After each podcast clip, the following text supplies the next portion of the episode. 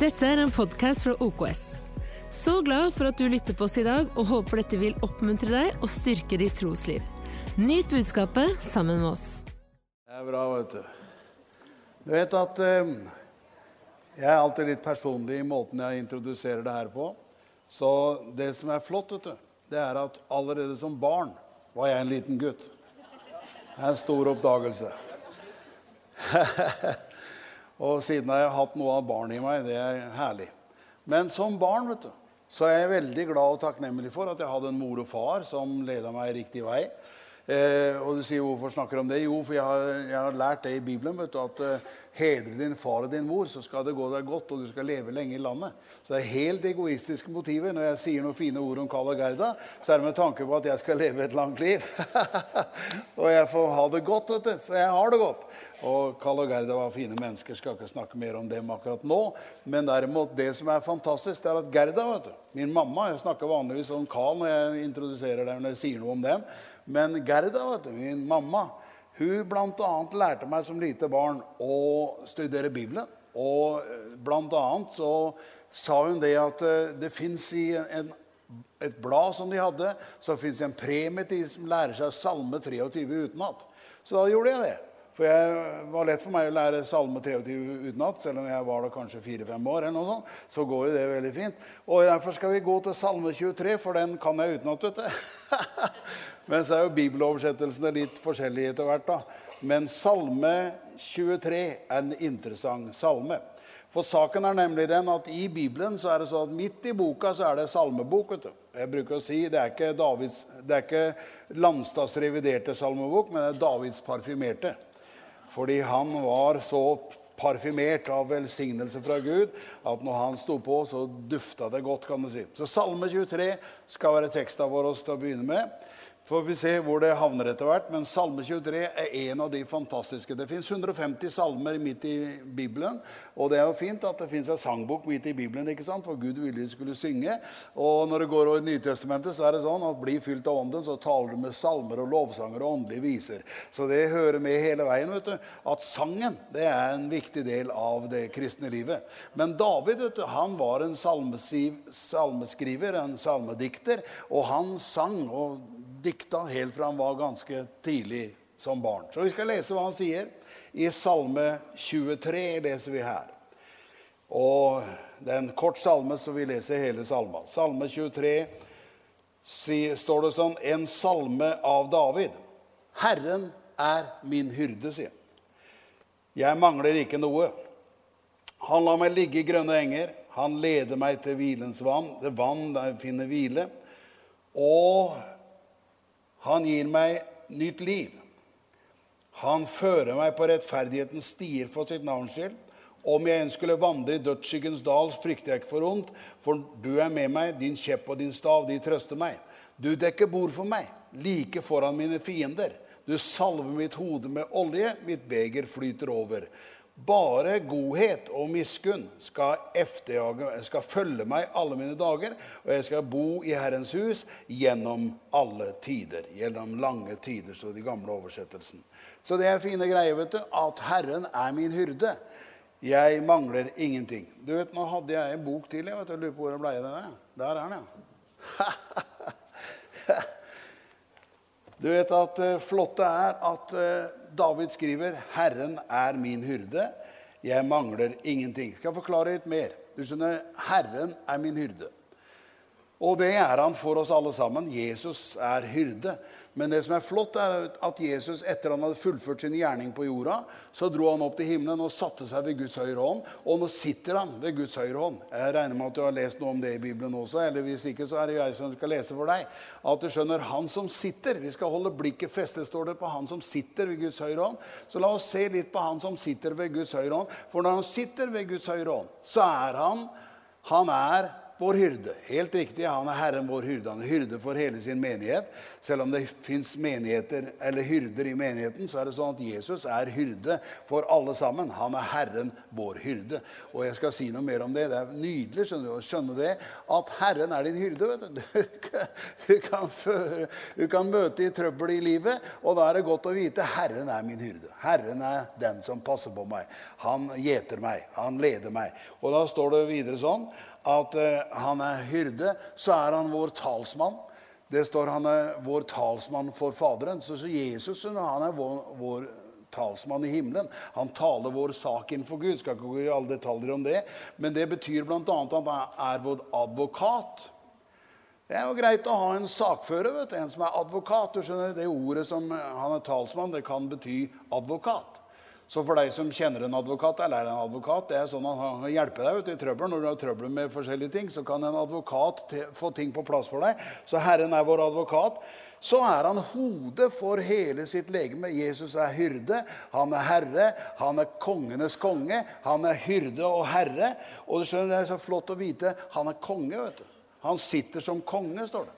Han skal sitte som konge inntil alle ting er lagt under hans føtter. Han er konge. Og Bibelen sier til og med at han er kongenes konge. For det fins jo mange konger ute. Norge har jo en konge òg, Harald. Men skjønner, han blekner veldig i forhold til kongenes konge og herrenes herre. Han er veldig glad for å være en som elsker og følger Jesus, som er min hyrde, min herre, min advokat, min konge, min talsmann. Du skjønner, Alt det der fins i Bibelen, og vi skal ikke holde bibeltime på det akkurat nå. Det hører hjemme mer på bibelskole, så vi anbefaler deg å komme på bibelskolen, for der får du alle detaljer i detaljer. Yes. Men det fine er at vi skal nå snakke om at Herren er min hyrde. La oss se litt mer på akkurat det, at han er min hyrde. Du skjønner, Det som du bl.a. leser med i Bibelen, da, det er at han er vår hyrde, og han sitter ved Guds høyre hånd. Så jeg må lese noe for deg som står i Hebrebrevet 1. Må ha noen sånne tekster til å begynne med her, bare for å liksom legge en grunnvoll. Skjønner, Herren er vår hyrde, det er fint. Du skjønner, Han er bl.a. Han sitter ved Guds høyre hånd. Vet, han dro hjem til himmelen og satte seg der. Der kommer det på veggen, ja. Da kan jeg lese det der, da. Du skjønner Det som er flott, at han er avglansen av hans herlighet og avbildet av hans vesen. Han bærer alle ting ved sin kraftsord. Etter at han hadde fullført renselsen på våre synder, for det var det han gjorde på korset, vet du, så satte han seg ved majestetens høyre hånd i det høye. Han er blitt så meget større enn englene, som har arvet et herligere navn framfor dem. Han, etter han hadde fullført renselsen, etter han hadde fullført frelsen, etter han hadde vært på korset, gitt sitt liv, gitt vårt, sitt blod for vår frelse, så satte han seg ved Guds høyre hånd. Jeg vet at jeg noen ganger har vært innom dette om det, at Jesus han sitter, han har satt seg ved Guds høyre hånd. Men la oss ta en sving innom og se det. Jesus satte seg etter han hadde reist opp til himmelen. Så satte han seg. Et av tegnene du, på at du setter deg, det er at da er jobben over. Da er du ferdig med jobben. Så Jesus fullførte først renselsen for våre synder, og så satte han seg ved Guds høyre hånd. Fantastisk, det, vet du. Jeg husker hvordan det gikk opp for meg som et barn. for allerede som barn var jeg en liten gutt, det vet du, så jeg er litt tilbake, litt større guttunge nå. For så når jeg gikk på møter Det er viktig for et barn å bli vant til å komme på møte. Så satt jeg alltid på andre benk på den plassen som du sitter. Der satt jeg. Jeg turte ikke å sitte helt ytterst, men jeg satt innpå neste. Og så fulgte jeg med, for predikantene satt på den første som regel. Og så satt jeg da på andre benk. Alle visste det vet du, hjemme på Gjelses misjonshus, hvor jeg vokste opp. Så visste de at den plassen der tilhører Åge. Så det var ingen som satte seg der. Ingen som var lokalkjent, seg der. For da visste jeg at de tok plassen min. Men det klart det var ikke noe problem. Jeg kunne finne meg en annen plass. Ja, men de var der jeg satt. kan du si. Jeg satt der framme og ville ha tak i hva har de å si. Og jeg hørte mye forskjellig som ikke jeg skal gå inn på her nå. men det fantastiske er, Jeg hadde gleden av å høre Guds ord fra barnsben av. For allerede som barn var jeg en liten gutt. Halleluja. Den lille gutten hørte på hva de hadde å si. Og en av de tingene de annet da forklarte, vet du, det er det at de sa og det er litt seinere i min oppvekst. Da, så sa de grunnen til at du kan vite at frelsen holder, grunnen til at du kan vite at det Jesus gjorde, det er bankers, kan du si. Nå brukte ikke de sånne ord der på bedehuset. De brukte ikke sånne ord som bankers, det var ukjente ord, men det, det, det holder, det er solid. Det er det at etter at han hadde fullført renselsen for våre synder, så satte han seg ved Guds høyre hånd. Og jeg vet at akkurat det jeg skal si nå, det har jeg sagt noen hundre ganger, så jeg skal bare si det veldig fort. Og det er det at det var en dame da, i forsamlingen som var veldig i tvil om hun virkelig var frelst. Og det kan man bli, vet du. Og det er viktig å hjelpe folk som da så, såkalt er anfekta. Eller som kanskje til og med ikke er frelst. Du skjønner, Hun var frelst, men hun visste ikke er jeg ordentlig frelst. Er jeg ordentlig frelst sånn som de andre som er sånn helfrelste? For du møter noen sånne helfrelste, vet du, sånn turbofrelste folk. ikke sant? Sånn som Martin Mæland og sånn. Det, det, det, det, er klart, da, da skjønner du det. At du liksom stiller litt lenger bak i rekka, liksom. Et eller annet måte sånn. Og du skjønner, det som er saken, Hun sleit med det. Er jeg virkelig frelst? Er jeg født på ny? Er jeg barn av Gud? En av de tingene som veldig ofte folk trøbler med, blir jeg med den gangen Jesus kommer tilbake? Hvis Jesus kommer tilbake, så skal de kristne løftes opp i luften. Blir jeg med da? Og du skjønner, Det er mange som har skapt mye frykt opp gjennom kristne møter på det der at eh, Blir du med når Jesus kommer?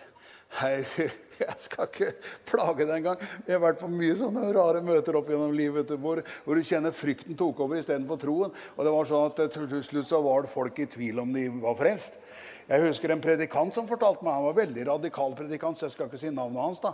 Men han vet du, han sa det at noen ganger var vi så radikale sa han, når det gjaldt det med frelsen, at vi ble i tvil sjøl, sa han.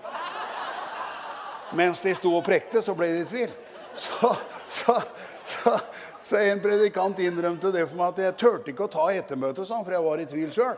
Så jeg måtte få noen andre til å liksom ta over eh, for meg.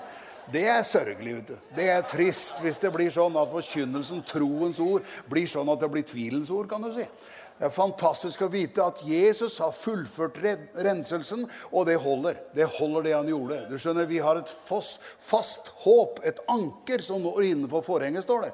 Et fast anker som holder til Jesus kommer igjen. Så jeg vet at det holder. vet du. Halleluja. Derfor skal jeg si det som de sa da i sjelesorg med en av de menneskene i bedehuset hjemme som sleit med er jeg virkelig frelst. Så tok de tid med henne. vet du. Det er veldig bra at ledere kan ta litt tid med folk som sliter. Ikke bare sier Kom deg på plass, liksom.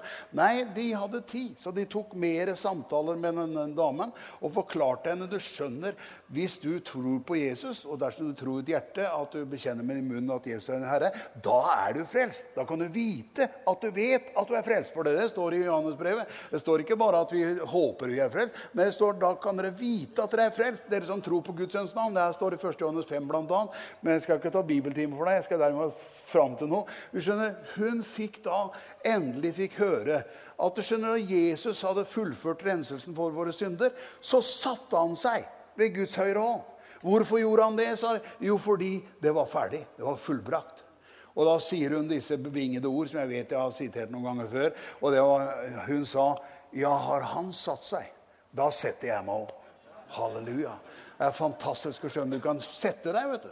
fordi Jesus har satt seg. Så du bør ikke kave rundt og være huggeren høne ikke sant? for å kanskje bli frelst. liksom.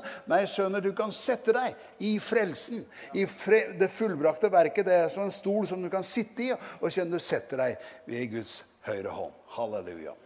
Eh, jeg må ha en stol for å illustrere noen ting her. Hvis noen hjelper meg å skaffe meg en stol, vet du. Nå er det ordentlig sånn frelst stol, da. Ja, det er bra. Takk skal du ha, Kjartan. For skjønner du, han satte seg ved Guds høyre hånd. Men eh, det vi leser om i salma her, er noe mer. vet du. Men det er fint, han satte seg. Så jeg skal sette meg litt, bare sånn for å, for å skjønne det, at vi sitter. Det er ikke alle som ser meg, men veldig mange ser meg. Så det går veldig bra.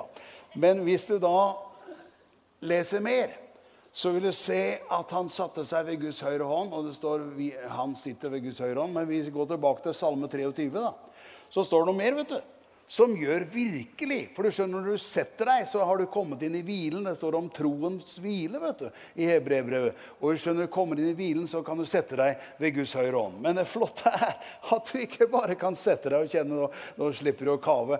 Du har fred med Gud i en god samvittighet, og du kan sitte i hans nærvær. Du skjønner, Det står noe mer her i Salme 23. David hadde skjønt noe mer vet du. Allerede da i Gamle Testamentet så hadde han skjønt det. Herren er min hyrde, jeg mangler ingenting. Han lar meg ligge, sier han, i grønne enger. Det er mer hvile vet du, enn å sitte.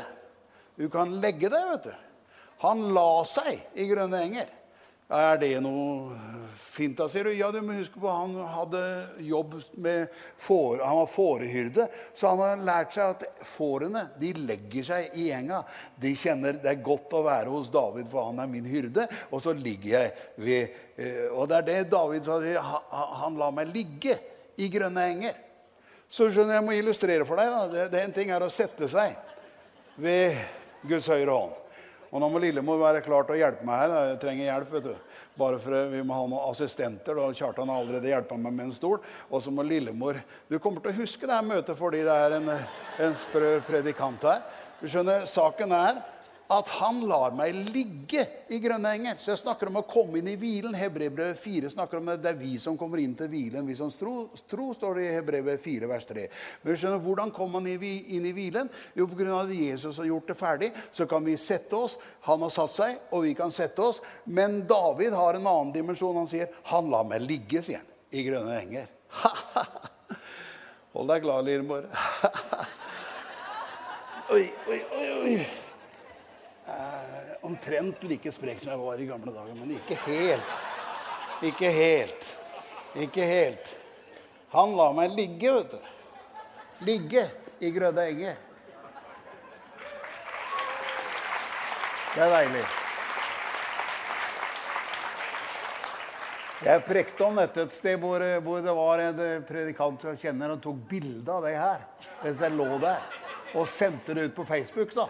Så Så jeg sier ikke at du skal gjøre det. Jeg sier det er herlig å ligge, vet du. Du skjønner, Hvorfor ligger du? Det er ikke nok å sitte i jobb. Men det å legge seg i grønnenger, vet du. det å ligge Det er noe fantastisk med det at da hviler du virkelig. altså. Du, du, sovner ikke, men du ligger i grønne enger. Så det er deilig. Jeg skal ikke sitte her eller ligge her i hele formiddag. Jeg klarer å komme meg opp sjøl òg, men Lillemor er jo her. Hun må jo være her for en årsak. Nei, det går ikke, Lillemor. Du er ikke så sterk, da. Tror jeg tar den veien her. Nå kan du komme, vet du. Nei, ja, jeg kan godt det. Jeg kan Det er bedre. Takk skal du ha.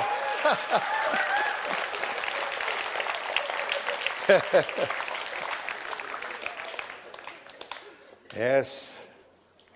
Det er herlig. Vi skal gå litt videre, for vi ser på det som står 'Han er min hyrde, han lar meg ligge i grønne enger'. Og jeg sier 'Han har ført oss inn i hvilen'. Vi kunne snakke mye mer om det, men vi skal gå litt fortere forbi det. Og så se på det. Han er hodet for sitt legeme. Han er hyrde, han er herre, han er sjefen. Og skjønner det Bibelen bl.a. forklarer, da, vet du, det er at han sier Jeg leser i Salme 23, så står det 'Han leder meg til vann der jeg finner hvile'. Og da er vi i vers 2. Han, meg, han gir meg nytt liv. Han fører meg på rettferdighetens stier for sitt navns skyld. Om jeg enn skulle vandre i dødsskyggens dal, frykter jeg ikke for noen, for du er med meg. Din kjepp og din stav, de trøster meg. Så det er jo veldig flotte greier som jeg vil du skal få tak på noe av det her som står her. Du skjønner, Jesus, som er hodet, han leder meg til hvilens vann. Det er der jeg var nå. og nettopp lå nede her i hvilens vann. Og så står det altså det at om jeg enn skulle vandre i dødsskyggens dal, frykter jeg ikke for noe vondt. Det er fantastisk å ha Herren som hyrde. Han hjelper deg, vet du. han beskytter deg, han bevarer deg. når djevelen prøver å ta deg, ikke sant, så er det sånn at Herren er din hyrde. Han gir deg troens skjold som slukker alle den ondes brennende piler. Mye å si om det som vi ikke rekker nå. For du er med meg, din kjepp og din stav, de trøster meg. Det jeg vil du skal se, er det her. Hør her. Han bare falt under kraften. Skjønner ikke hvordan den der greide å falle. Det var lillemor det, som pusha den. Det er en fin anledning til å få seg en liten kluk, da, vet du. Du skjønner, det jeg vil du skal se. Bibelen da er så fin med at han sier 'Herren er min hyrde'. Det er Herren som sitter der oppe er som en hyrde. Han er kongen, han er frelseren, han er hodet for legemet. Men så står det 'Herren er min hyrde'. Og så sier han plutselig da Går over i et nytt gir midt i salma. Og sier ikke bare snakker om Herren.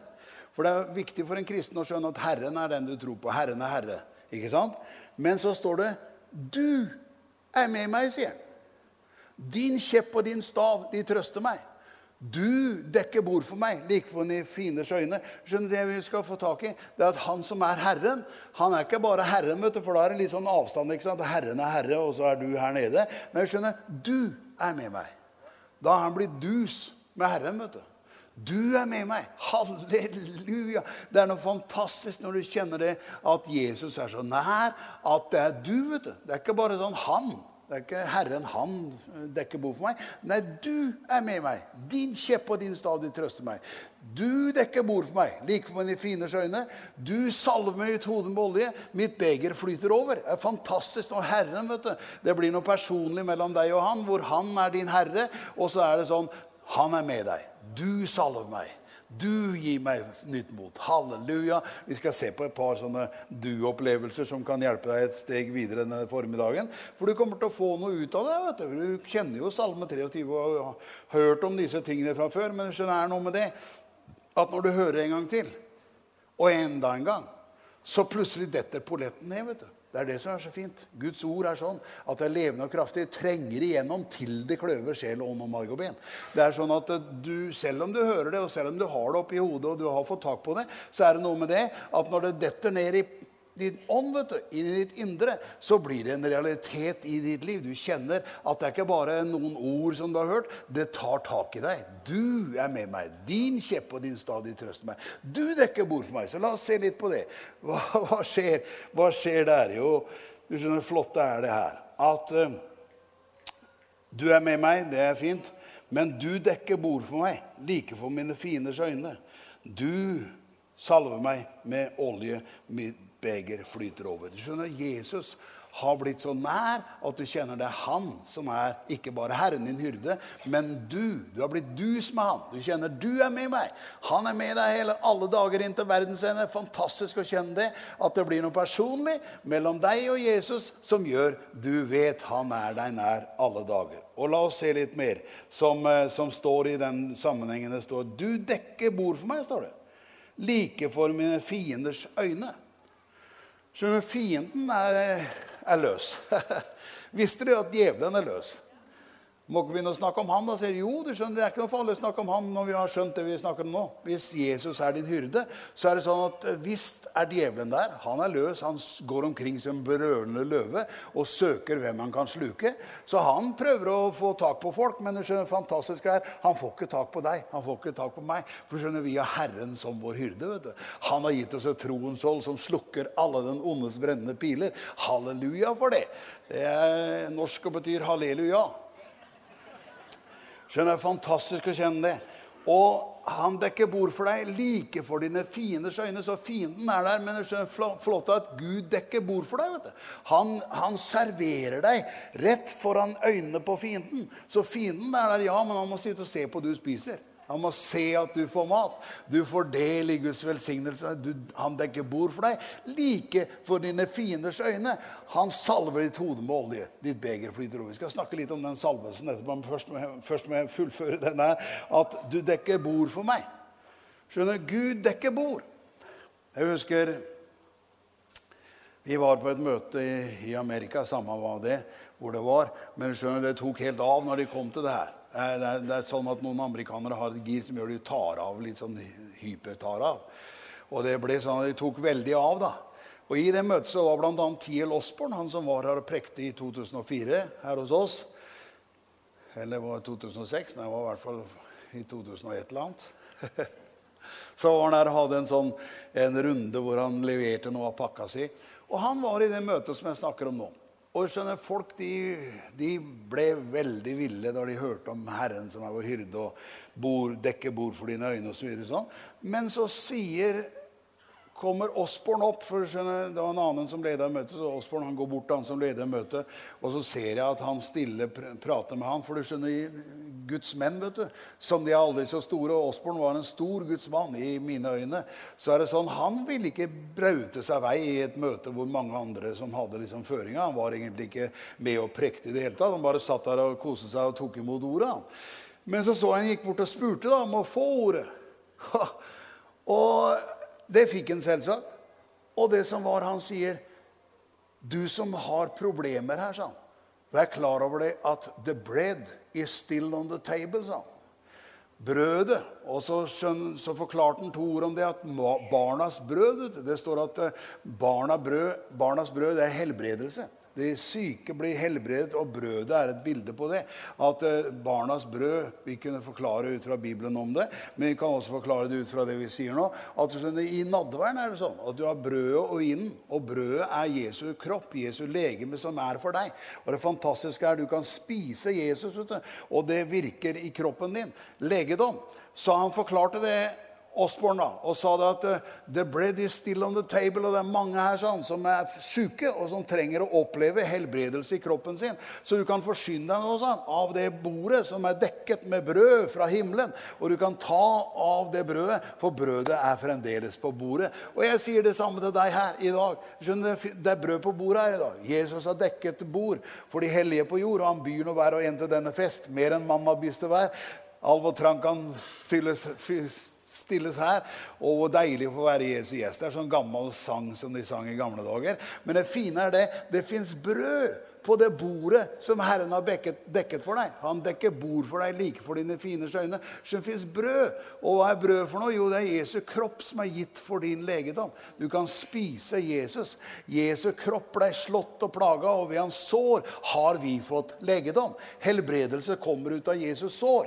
Jesus har sår, vet du, og av de sårene så er det helbredelse for deg. Og det fine er det at det brødet er fremdeles på bordet. Vi kan kjenne, vi kan forsyne oss av det brødet. og kjenne kjenne at dette er noe mer enn akkurat nadvær. Det er noe fantastisk som skjer. At du kan få spise den som eter meg, sa Jesus. Han skal leve med meg. Du skjønner, å spise Jesus, Han er et brød. Han er verdens livets brød som er kommet ned fra himmelen for å gi verden liv. Du kan spise Jesus og kjenne det virker til helse i deg fra topp til tå.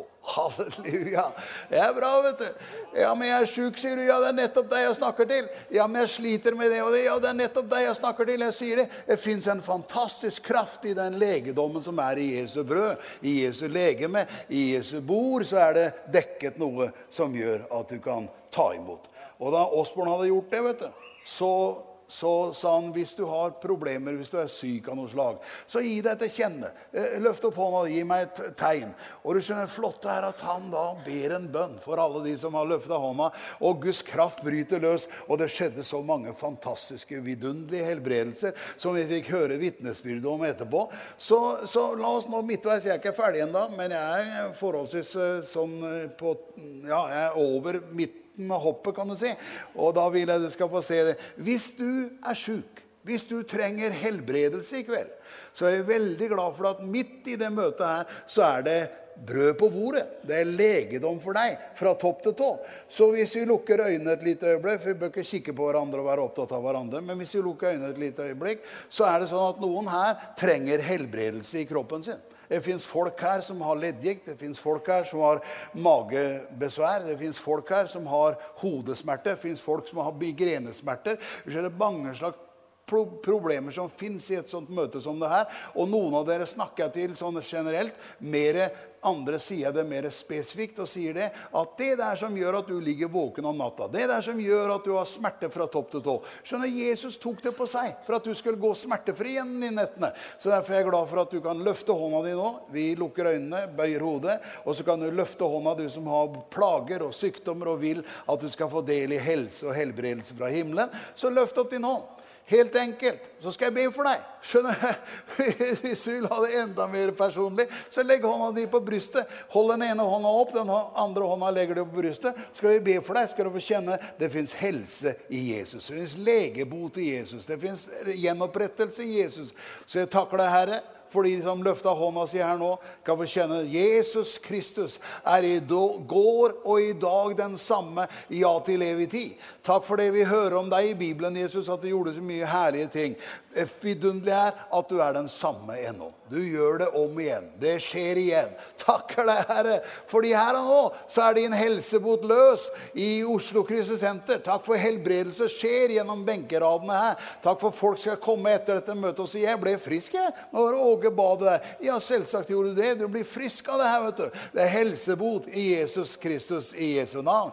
Vær helbredet for din plage. Jesus Kristus helbreder deg. Amen. Amen. Du vet Det er ikke akkurat sånn jeg hadde lagt opp til. Det er jo det som er så herlig vet du, med Den hellige ånd. Han tar over. vet du. Men det er fantastisk å se at uh, i Bibelen så leser du om f.eks. da Peter ble gammel. For Peter var jo en ung en gang, og så ble han gammel en gang. Jeg er jo ikke der. Jeg er midt imellom der, ikke sant? jeg er sånn jypling ennå, men jeg er jo likevel uh, ikke helt ung lenger, da. Jeg begynner å bli voksen. Og du skjønner, Peter, når han begynte å bli voksen, så leser om han at han som, som reiste opp den lamme mannen i Apostlenes gjerning 3 og sa 'Det jeg har, gir deg. I Jesu Kristi navn, stå opp og gå'. Han fortsatte vet du, utover i Apostlenes gjerning. Jeg vet ikke om du har lest og fått tak på det. Men skjønner, han er rett som det er på tur utover i apostlenes gjerninger. Og møter, han kommer f.eks. et sted hvor det er en mann som heter Eneas.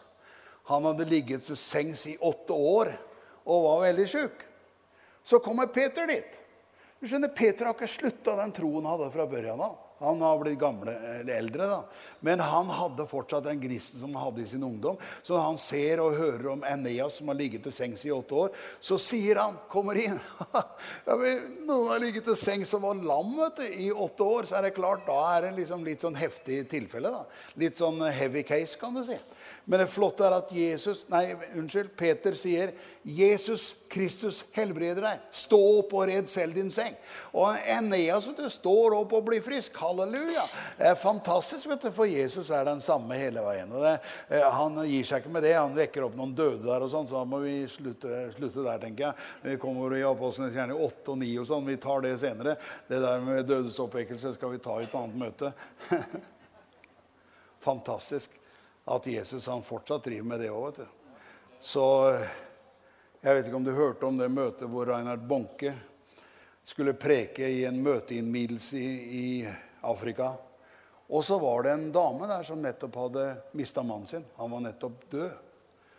Og hun ber da om lov til å ta med kista og liket til det møtet der Bonke skal preke. Må du gi deg, da, sier hun. Nei, jeg er bare midtveis i prekena. jeg vil skal få med deg det her. Dette er ikke bare en røverhistorie fra gamle tider og fra Bibelen. Det er fra vår tid. Bonke lever fortsatt. Det fantastiske er at de henter da hans uh, kiste. De, selvsagt, de lagde ikke noe veldig føss av det. De hadde en stille og rolig entré i underetasjen.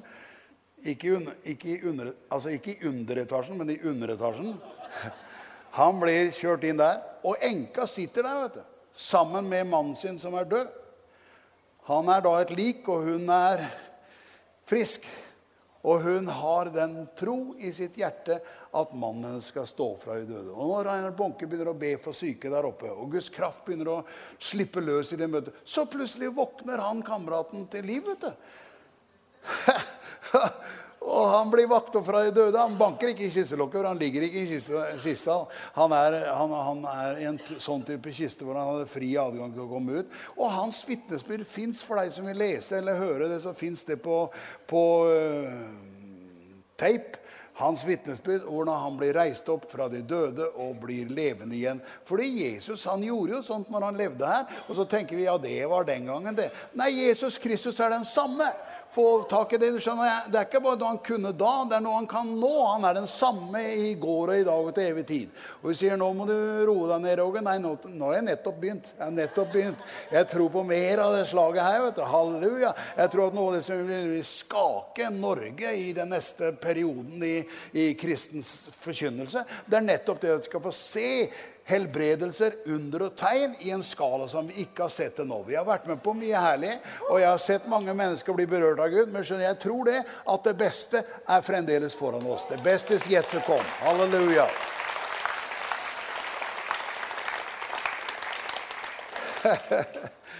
Halleluja. Jeg skal begynne å gå inn for landing. Jeg vet ikke riktig hvor det blir hen.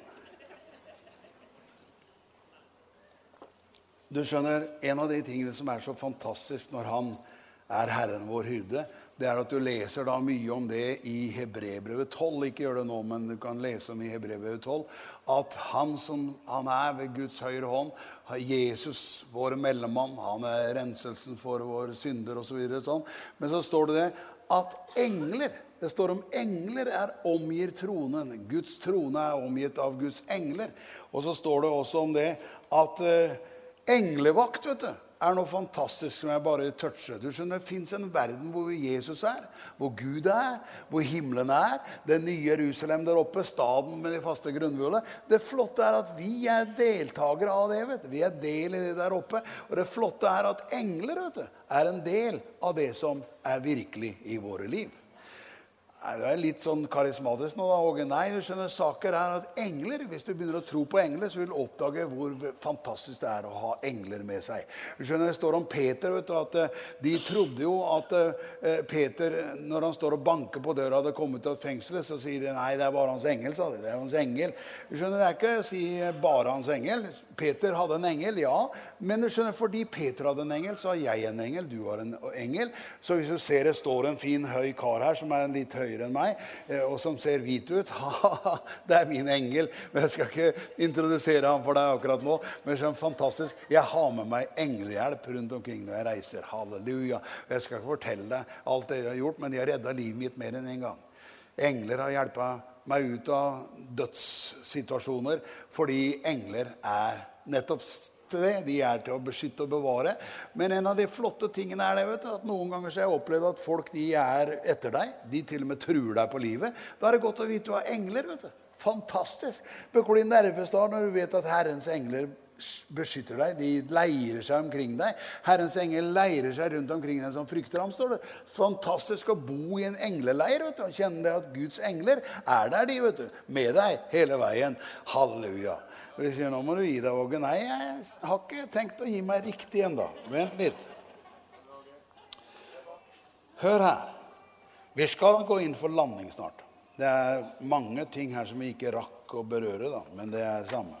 Det som er fantastisk, da, vet du, det er å skjønne det at eh, det står i 1. Korinterbrev 15 Hvis du har en bibel, kan du bli med, men hvis ikke så har jeg en bibel, så kan jeg hjelpe deg og vise deg hvordan det her går til slutt. vet du.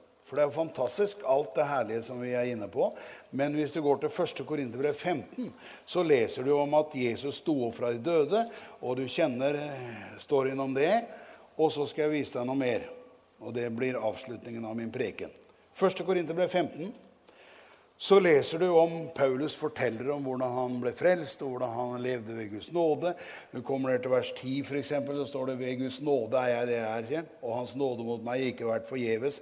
Men jeg har arbeidet mer enn dem alle. Dog ikke jeg, men Guds nåde var med meg, sier han. I 1. Korinter 15, og vi er kommet ned, ned til vers 10. Men så opper vi litt lenger ned, og så kommer vi ned til vers 20. 1. Korinter 15, fra vers 20. Så sier, så sier da så sier da Paulus Men nå er jo Kristus stått opp fra de døde, sier han. Og som førstegrøden for dem som har sovnet inn.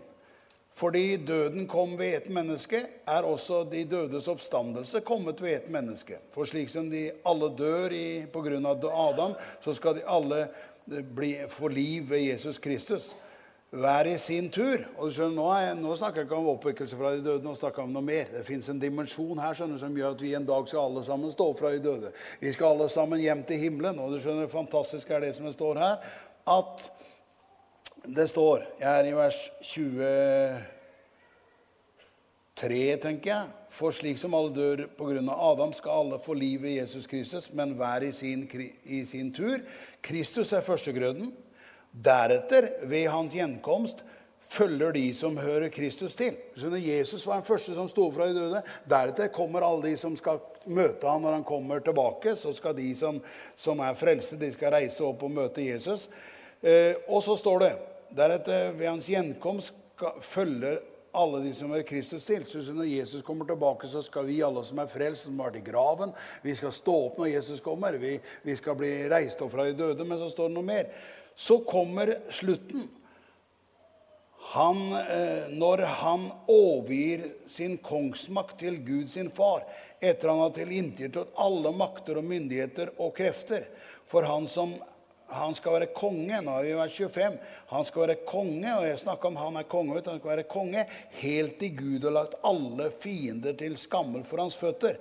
Den siste fienden som tilintetgjøres, er døden. Wow, sier jeg. Du skjønner, Jesus har vunnet seier over alle djevler, demoner og alle sykdommer. Men skjønner, den siste fienden som blir overvunnet, er døden. vet du. Jesus skal en dag gjøre det sånn at det er ikke lenger død. Han setter punktum for alt som heter død også. Så det er det fantastiske at en dag kommer enden, vet du. Hvor alt som er elendighet, blir slutt på. Inklusive det at folk dør. For vi vet at folk i dag de dør, ikke sant? Men Jesus han kommer til å gjøre en ende på alt det der som ødelegger menneskets liv. Og så går vi inn i en ny æra hvor den nye himmel og den nye jord kommer. Og vi skal kjenne det fins en ny og evig tilværelse hvor vi får leve i all evighet uten hinder og uten djevelskap og uten mørke. Det var bare et lite glimt av noe av det som venter deg som en kristen. Det som jeg kjenner. det er at Du kan jo ikke tenke på å leve gjennom livet da uten å være frelst. Du kan ikke tenke på å gå inn i evigheten og ikke vite riktig om du er frelst. Du må vite at du er frelst og følger Jesus, for det er klart. Han er veien og sannheten og livet. Ingen kommer til Faderen uten ham. Du skjønner, Jesus er jo er jo den som vi kan følge helt til mål, inklusive det at en dag skal vi stå fra i døde, og en dag skal vi inn i, inn i saligheten, og en dag skal vi bo på en ny himmel og en ny jord. Selvsagt mange ting her som du må, må jo, du må gå på bibelskolen for å få, få, tak i det. ikke sant? Du kan jo verve elever til bibelskolen etter det. her. Det fins en ny himmel og en ny jord hvor rettferdighet bor. Men det fine er vet du, at her og nå så fins det en seier vet du, over sykdom og alt det der. Det fins en seier over døden, fins en seier over djevelen. Og det fins noe som gjør at vi kan ha et håp for evigheten. Og jeg sier det, Du kan ikke gå gjennom livet og ikke vite at du er frelst når du kommer på andre siden. Du kan ikke gå gjennom livet og ikke vite at du skal til himmelen når du dør. Du kan ikke gå gjennom livet og ikke vite riktig om du har frelsens eh, fantastiske virkelighet. Og jeg sa at du som er frelst, kan vite at du er frelst. Du har satt deg med Jesus. Men du som ikke har tatt imot det ennå, så er det sånn at det er ikke sånn at Gud tvinger noen til himmelen. Nei, nei, nei. Det står at Gud elsket verden og ga sin sønn en enbåren for at hver den som tror på ham, ikke skal fortapes, men har evig liv. For Gud sendte ikke sin sønn til verden for å dømme verden, men at verden skulle bli frelst ved han. Så Jesus vil du skal bli frelst, men det er du som bestemmer om du vil ha det. Det er frivillig. Det er en personlig gave som du kan ta imot hvis du skjønner at det her må jeg ha tak på. Jeg må få tak i det med Jesus. Da er vi veldig glad for å ha sånne møter som det er. Jeg er veldig glad for det. At om det fins én, om det fins to, fins ti som ikke vet om de er på vei til himmelen, så er det fantastisk at Jesus er her. Han som er veien og sannheten og livet, han er her. Og han skal en dag sørge for at du kan stå opp fra de døde, og du kan leve i, i tilværelsen på en ny himmel og en ny jord hvor rettferdighet bor. Jeg kunne ikke tenkt meg å gå gjennom livet og ikke vite at jeg vet at jeg er på vei dit. Men jeg skrev et lite hefte en gang som heter 'Veien til himmelen'. Og det heftet handler om det at Jesus er veien til himmelen. Jesus Kristus er veien til himmelen. Hvordan kan du vite at du er frelst? Jo, tro på Herren Jesus, bekjenne det med din munn. Da blir du frelst.